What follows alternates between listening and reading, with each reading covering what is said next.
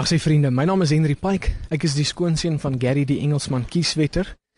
En uh ons het so 2 en 'n half jaar terug het ons die gemeente begin. Um waar ons deur gehoorsaamheid aan die Here het ons uh ervaar dit is tyd om om 'n gemeente te begin, 'n vernuwingsgemeente vir Afrikaners.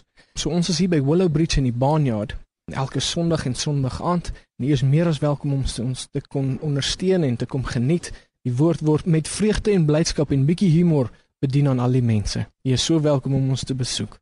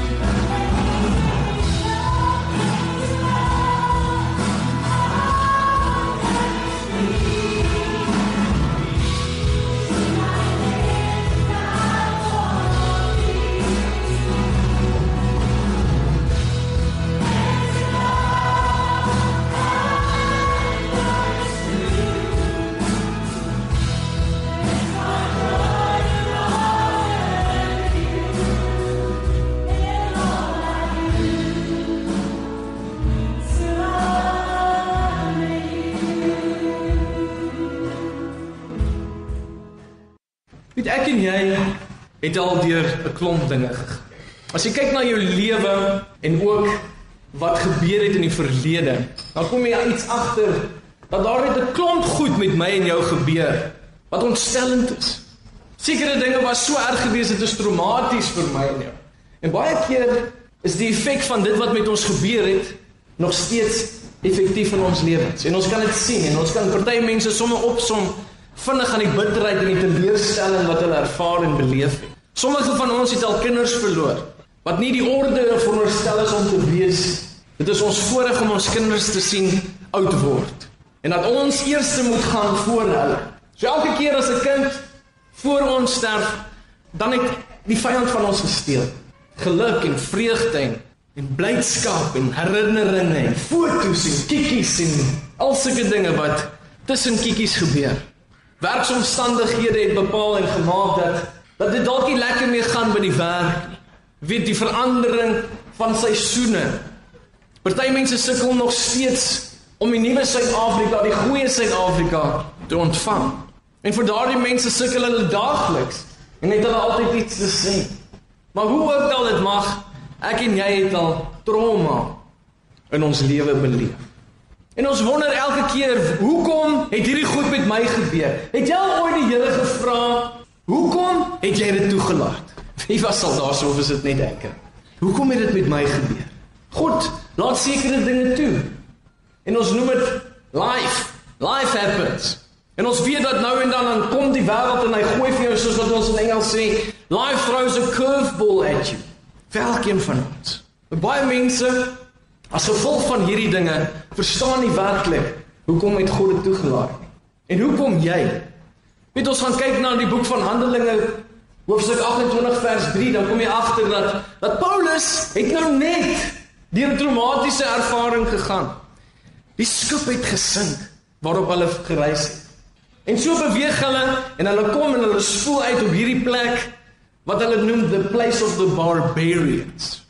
En hy maak vir hom baie hout bymekaar 'n skout en hy's nat. En soos wat hy dit op die vuur gooi, kom daar 'n slang uit die klomp hout wat hy bymekaar gemaak het en die slang bekom. En daar staan 'n klomp mense en hulle sê sien jy, hierdie man het ongeregtigheid in sy lewe. Nee wat pappa sien, God gaan nie hierdie man laat verbykom nie. Nee, hy hy was lucky geweest met die feit dat hy nie in die skip verdrink het nie, maar nou kom daar 'n slang en pik hom sien hierdie man het ongeregtigheid in sy lewe en God sal nie toelaat dat hy wegkom met dit wat hy gedoen het nie. En wat gebeur met Paulus? Niks. Nie. Maar hoeveel van ons sou gebid het, "O Here, hoe kon jy dat hierdie godsman, hierdie ou wat in hele derde van die Nuwe Testament geskryf het, hoe kan hy toelaat dat 'n slang hierdie belangrike man van die evangelie van God pik?" Maar ons besef nie, al het die slang hom gepik, God het nie toegelaat dat die gif hom doodmaak nie. En wat ek en jy nie besef nie is we're still here. Maak nie saak wat met jou gebeur het nie. Jy is nog steeds hier. Daar's 'n plan vir jou. En ek en jy moet besef dat maak nie saak wat die vyand al vir my gegooi het nie. Al het hy van my geroof, al het hy my kind van my weggevat, al het hy my besigheid gesteel, al het hy my ouers van my weggevat, al het slegte dinge met my gebeur, al het iemand my gemolesteer, al het iemand my verkrag, al het 'n dief my televisie gesteel, I am still here. En ons moet dit begin waardeer. Ek en jy moet begin hierdie goeders raak sien, want God het nie toegelaat dat die gif van die wêreld jou doodmaak. Maak nie saak wat die wêreld vir jou gooi nie. As jy hier is vandag, you're still alive. As jy nog bietjie kan vertrou op die Here met jou besigheid of jou eie persoonlike belange, wil ek vir jou sê die feit dat jy nog is en dat die deure van jou maatskappy nog oop is, die feit dat jou boerdery nog aan die gang is, die feit dat daar nog iets is in die landery, God sê jy staan nog. En is dit nie wonderlik dat ons God is die God van hoop nie? Die goeie nuus. Maar hoe is dit dat soveel van ons as gevolg van dit wat deur ons gegaan het, twee dinge lei? Ons lei aan die volgende ding: blameer ander. Veronderstel Joyce Meyer, almal ken haar storie, maar oor die 270 keer deur haar eie pa verkrag. Ek sou verstaan het as sy op 'n plek gekom het waar sy gesê het tot hier toe en nie verder nie, ek gaan selfmoord pleeg. As dit met een van ons moes gebeur het, dalk het dit, maar jy weet wat wat dit dan voel. Jy weet hoe voel dit. Dit is seker die aardigste ding wat met jou kan gebeur. Dat jou eie pa nie sy hande kan tuishou nie en dan dinge doen wat nie daar hoort nie. Ek onthou rukkie terug het ons 'n vrou bedien en dan uh, die vrou het baie pyn en is verskriklik seer en, en het hard geword teen die Here omdat elke keer wanneer haar pa verkrag het Dan kom haar pa na die tyd en sê kom ons sê die onsse Vader sodat hy jou kan vergewe vir dit wat jy nou net gedoen het. En so manipuleer ons die woord en skrif en gebruik ons leierskapposisies in die gemeente om met sulke goeders weg te kan kom. Dat jy ander mense blameer en dan ander mense die skuld gee sodat hulle met trauma deur hulle lewe gaan. Maar tog blameer daardie man wat hierdie dade doen dit aan dit wat met hom gebeur het. En ons verstaan dit. Ons wat in die bediening is en wat in die berading is en sielkunde en al hierdie dinge, daar is 'n effek wat die verlede op ons het. Maar daarom het God vir ons die geleentheid gegee om mense te kan vryspreek. Sodat jy nie meer onder die krag en invloed van die verlede is. Dit is 'n magtige ding, vryspraak. Vergifnis. Dit maak dat jy nie meer die gif drink wat jy wens iemand anders wil drink nie. Want hoe is dit dat ons op soveel geleenthede staan en ons wens, verwens iemand en ons sê ja, ek hoop dit gebeur met daai ou. Jy's die een wat die gif drink, nie daardie persoon nie. Jy. So kom Nehemia. En as jy die boek lees, dan sal jy verstaan, hy's die man wat Israel weer hoop gegee het. 'n doodgewone persoon. Hy was die personal waiter of personal chef as ek dit sou kan noem, die cupbearer van die koning. En so kom hy en hy bedien die koning gereeld en hierdie dag is hy ontstel, mismoedig en sy gesig wys hy is depressed. So wat gaan aan? Wat's fout met jou? En hy sê dit gaan nie goed met my nasie nie. Dit gaan nie goed met my volk nie. En so as jy die hele boek lees, dan kom jy agter dat Israel het vingers gewys na die ander nasies om hulle omdat hulle veroorsaak het dat die mure van Jerusalem en die stad vernietig en verwoes is. Maar niemand doen iets nie. Nie een Israeliet staan op en doen iets aan die saak nie. Niemand het 'n klip gevat en begin die mure herstel nie. Nee.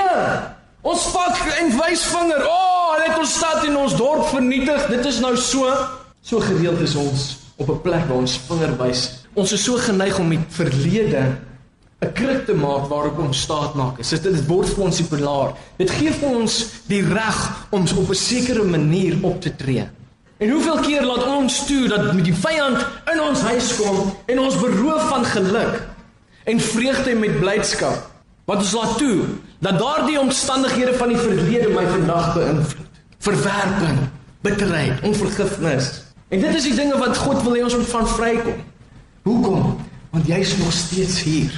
Al het jy deur al daardie dinge gegaan, jy is nog steeds hier. Ek wil nie oor daardie dinge praat vanmôre nie. Ek wil praat oor vrees God. Die titel van vanmôre se boodskap is ek bang nie. God het 'n plan vir jou. Jeremia 29 vers 11. For I know the plans that I have for you. Dit is nie jou planne nie.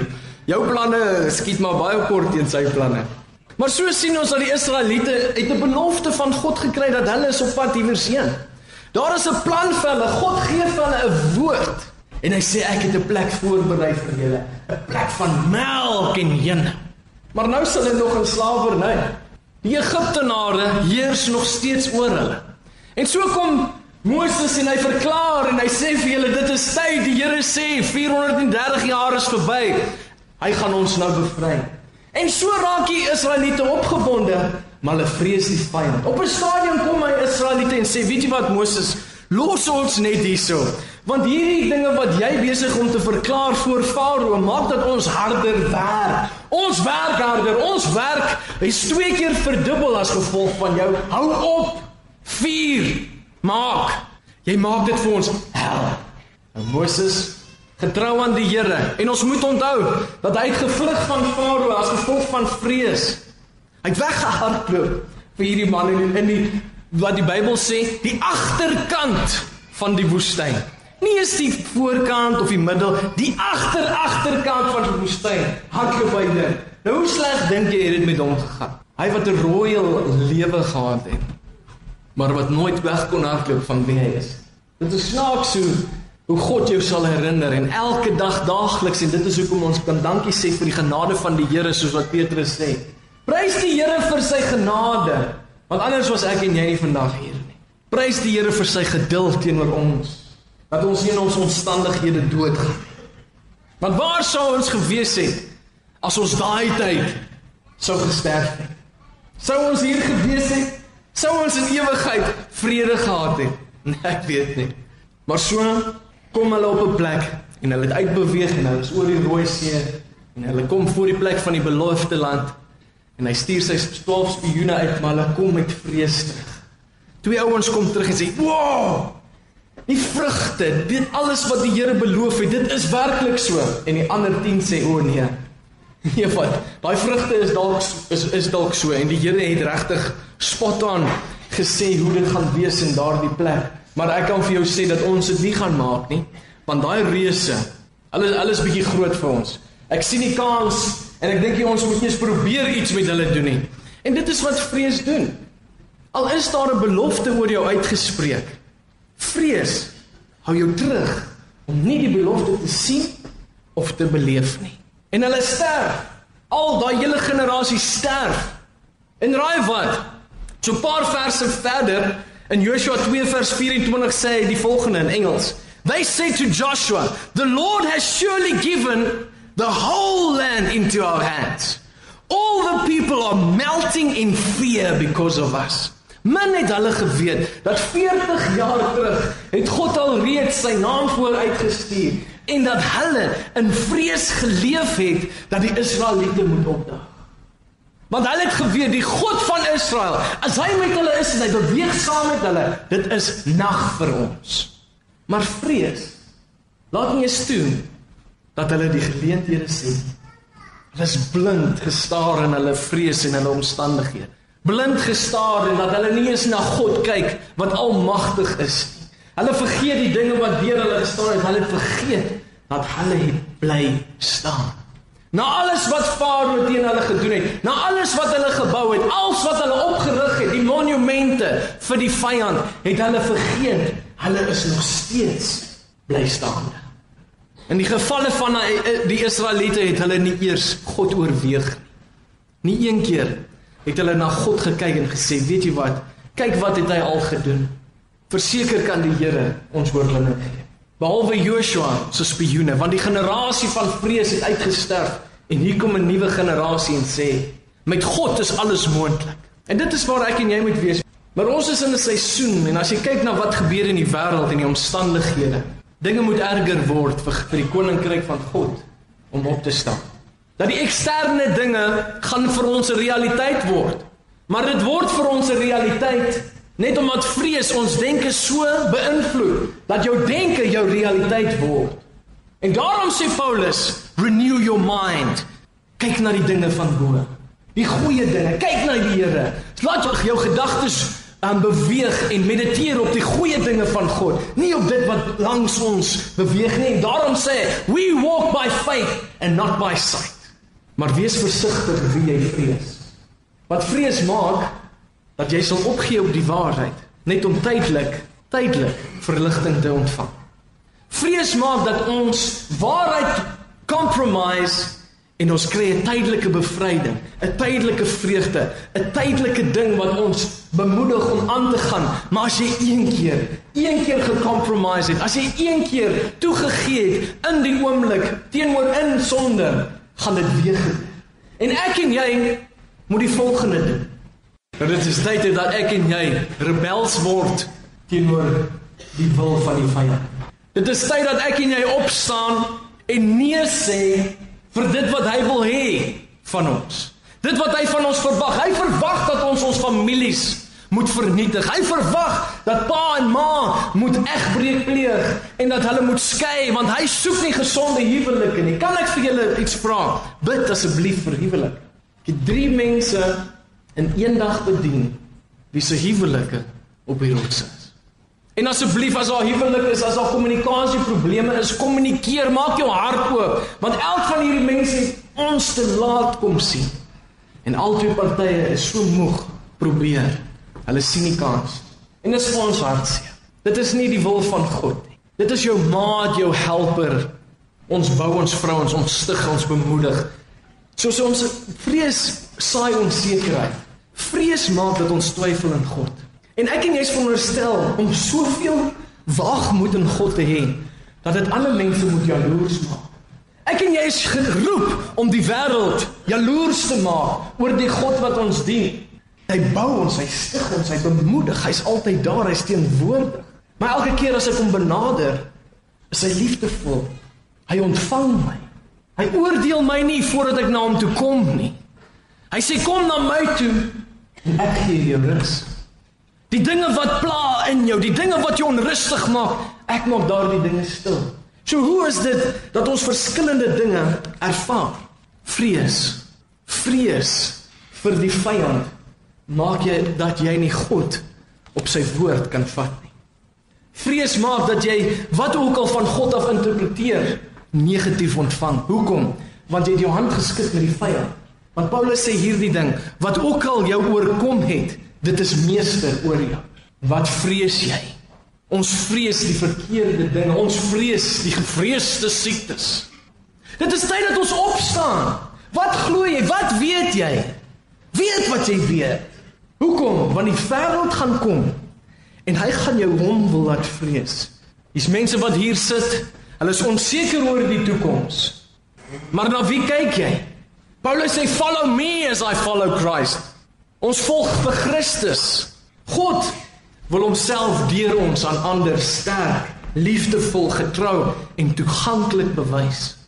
Mense kyk na die Here, maar dit is ek en jy wat hulle in ons hande. Dit is ek en jy wat die stukke optel. Dit is ek en jy wat bemoedig. Dit is ek en jy wat lewens raak. Ons is die hande van Christus. Ons is die die stem van God verander. Maar as ek en jy alles behalwe God vrees, hoe effektief is ek en jy? Hoe effektief is ons bediening? God wil hê dat jy in sy wil moet leef en dat jy dit wat vir hom belangrik is, die planne wat hy vir jou het, moet ervaar en beleef. Maar vrees hou jou uit daardie kamp uit. Vrees verhoed jou in te gaan en die beloftes te ervaar, te eet, te beleef, om dit te deel met ander.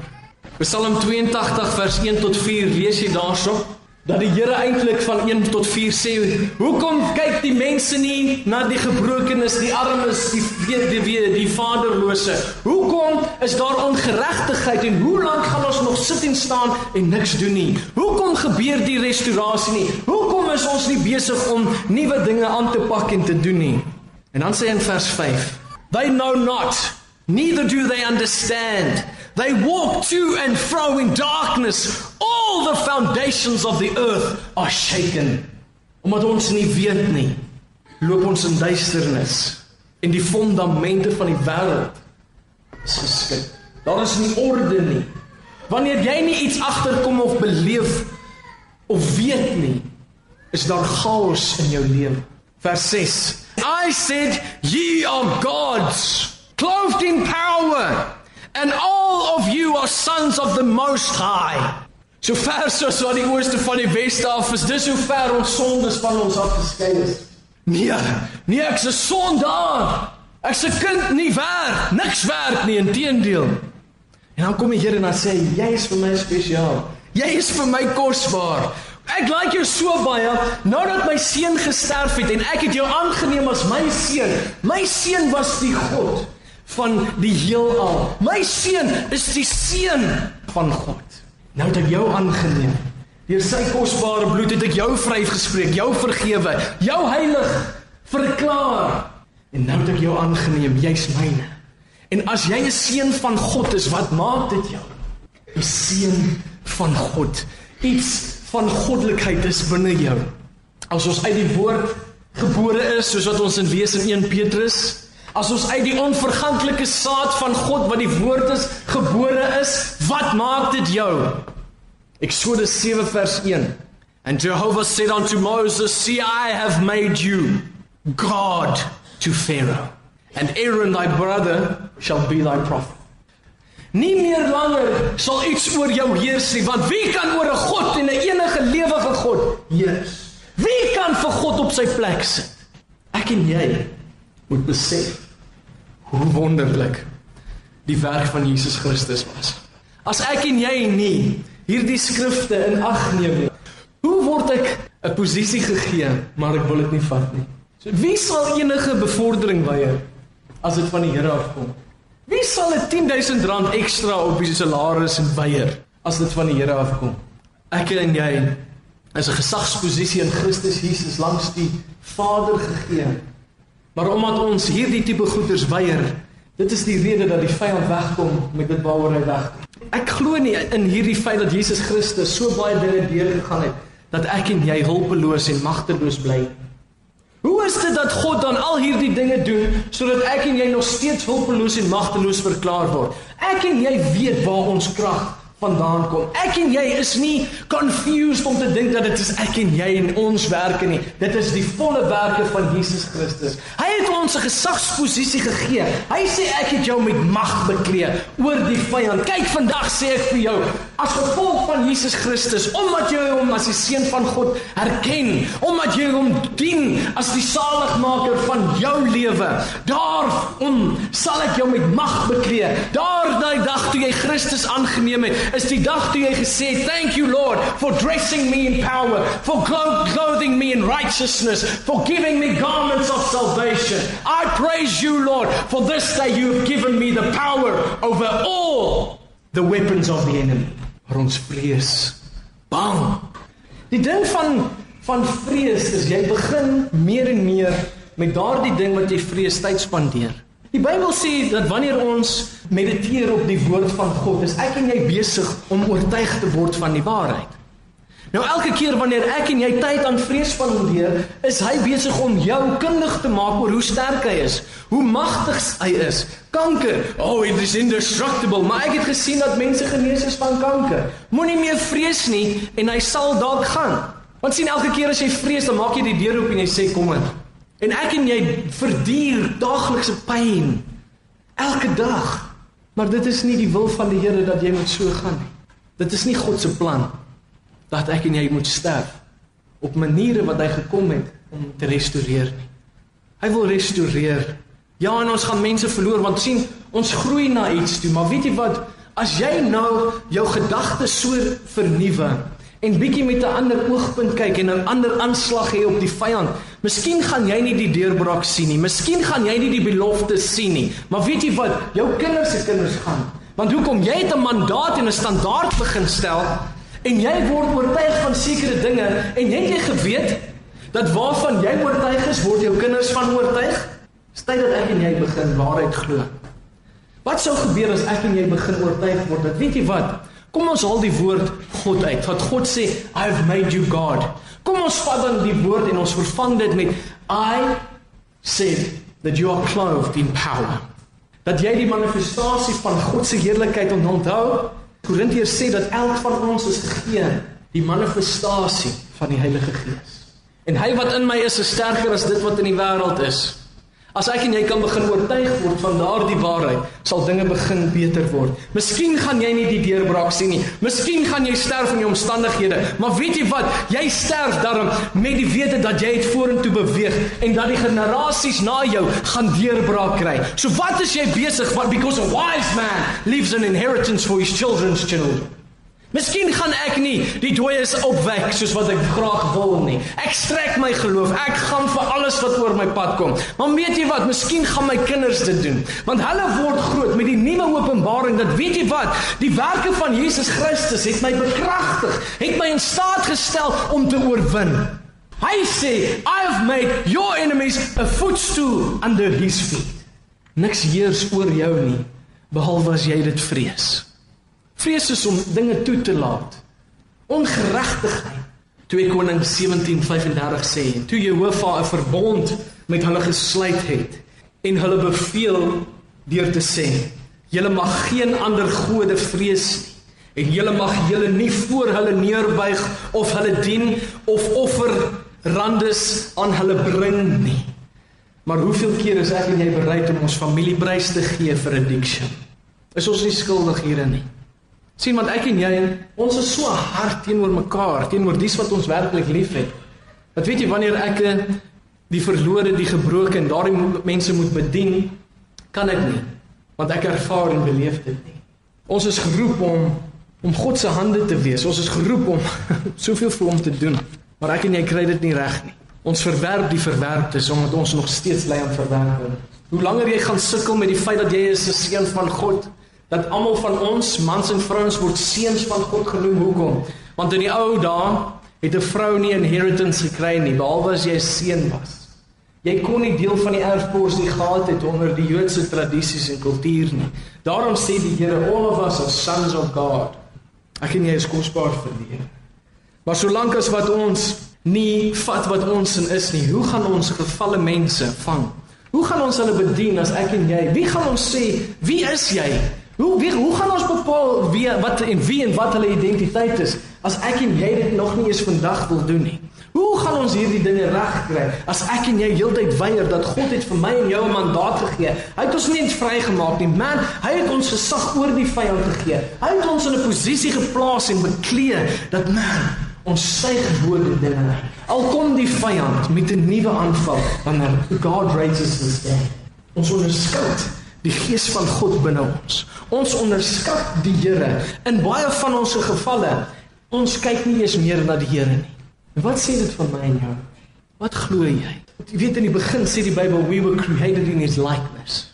God het alles deurgegaan. Jesus Christus het elke vorm van aanslag aanvaar. Sy vel was van sy lyf afgeruk gewees. Hy was vermink gewees bo so erg dat mense hom nie eens kon erken as 'n mens. Hy het deur al daardie goed gegaan en tog op die ou einde staan hy nog steeds. Jy het die vermoë gekry. Hoekom? Want die appel val nie ver van die boom af nie. Toe jy wedergebore is, het jy dieselfde kenmerke as Jesus Christus ontvang. Jy het nie net die hom ontvang nie, jy het die manifestasie van die Heilige Gees ontvang. Jy is bekragtig, jy is bemoedig. Hy gee vir jou die woord om jou te oortuig van wie jy is. Ja, die wêreld gaan nog steeds met sy curveballs kom. Ja, hy gaan nog steeds dinge doen, maar weet jy wat? Hy kan nie jou lewe neem nie. Hy kan nie jou lewe neem nie.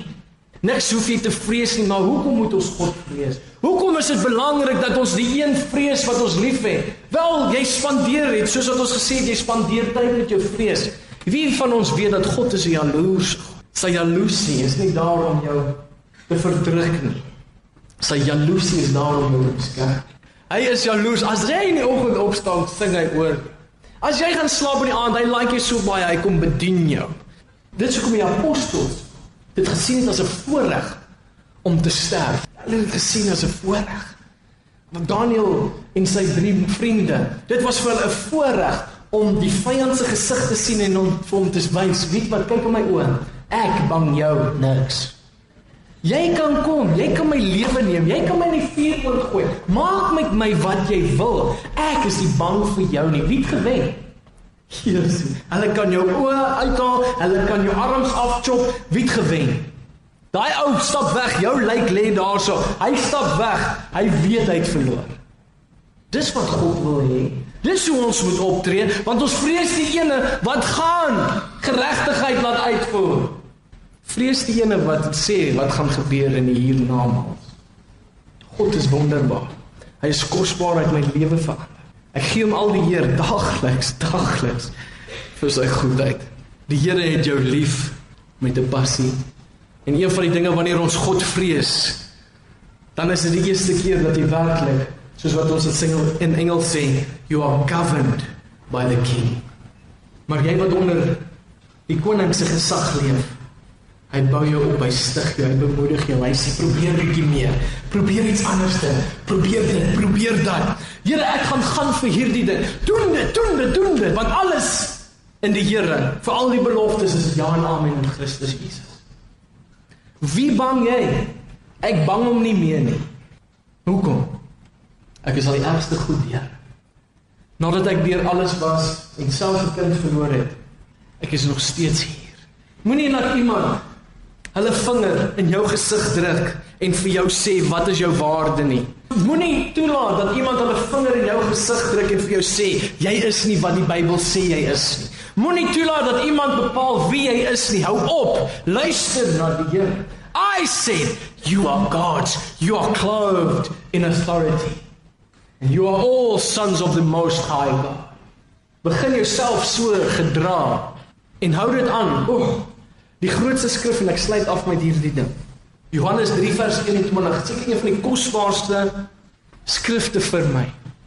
Hy sê so in Engels, die volgende, hy sê: He who practices the truth walks closer to the light, and his deeds will manifest as being worked in God. Ek en jy moet 'n keuse maak. Dis so Jesaja 16 vers 1 en 2. Arise and shine for the glory of God is upon you. Daai arise beteken staan op en maak 'n besluit. Staan op uit jou depressie uit. Staan op uit jou vrees uit. Staan op. Dit beteken maak 'n keuse, staan op uit jou uit jou omstandighede. Staan op. Tree in rebellie in in dit wat in wat besig is om jou in jou lewe te gebeur. As die vyand 'n pak slaag gee, moenie gaan lê nie. Staan op in jou gesag, want dan rebelleer jy teen sy planne.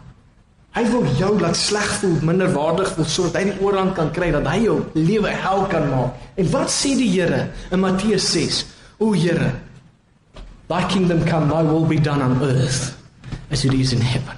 Ek en jy word 'n geleentheid gegee deur Jesus Christus om ons lewe van so 'n aard te kan uitleef dat dit lyk asof die koninkryk reeds gekom het, asof ons reeds in die hemel is. Slegte dinge gaan gebeur, maar jy sal nie uitmekaar uitval nie. Hoekom? If your house is built upon the rock, even when the winds and the storm comes, you will stand. Hoekom? Ek staan nog steeds. Jy is awesome. Jy is bekleed in krag. in die manifestasie en die heerlikheid van Jesus Christus. Jy het dit gemaak tot nou toe. Jy het alles beproef. Jy het als deurgegaan. Maar jy's nog steeds hier.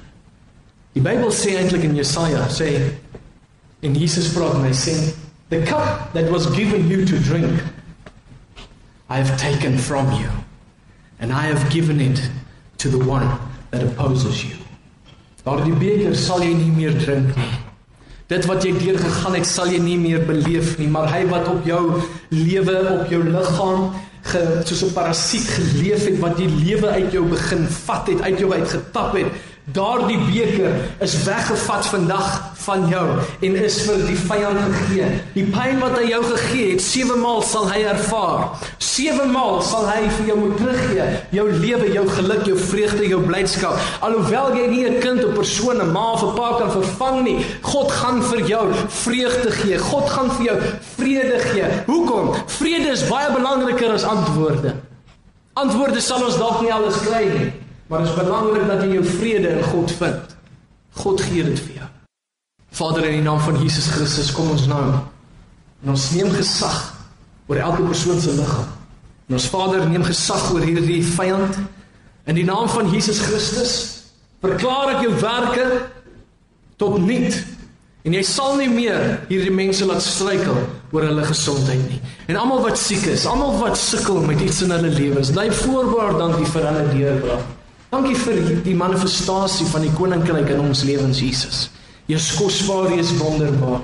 En ek dankie dat hy almal by die huis wat hulle luister aanraak met die goedheid en die guns. Dankie Here dat ons nie meer die vyand sal vrees nie, maar dat ons U sal vrees om meer tyd met U te spandeer. U wat te sê het oor alles. Dankie Here dat niks is vir U onmoontlik nie en al lyk dinge nie goed nie. Dankie U dat U is die lig wat gekom het. Dankie Vader vir die genade. Dankie vir die gesag wat U in elkeen van ons openbaar. And everybody says amen.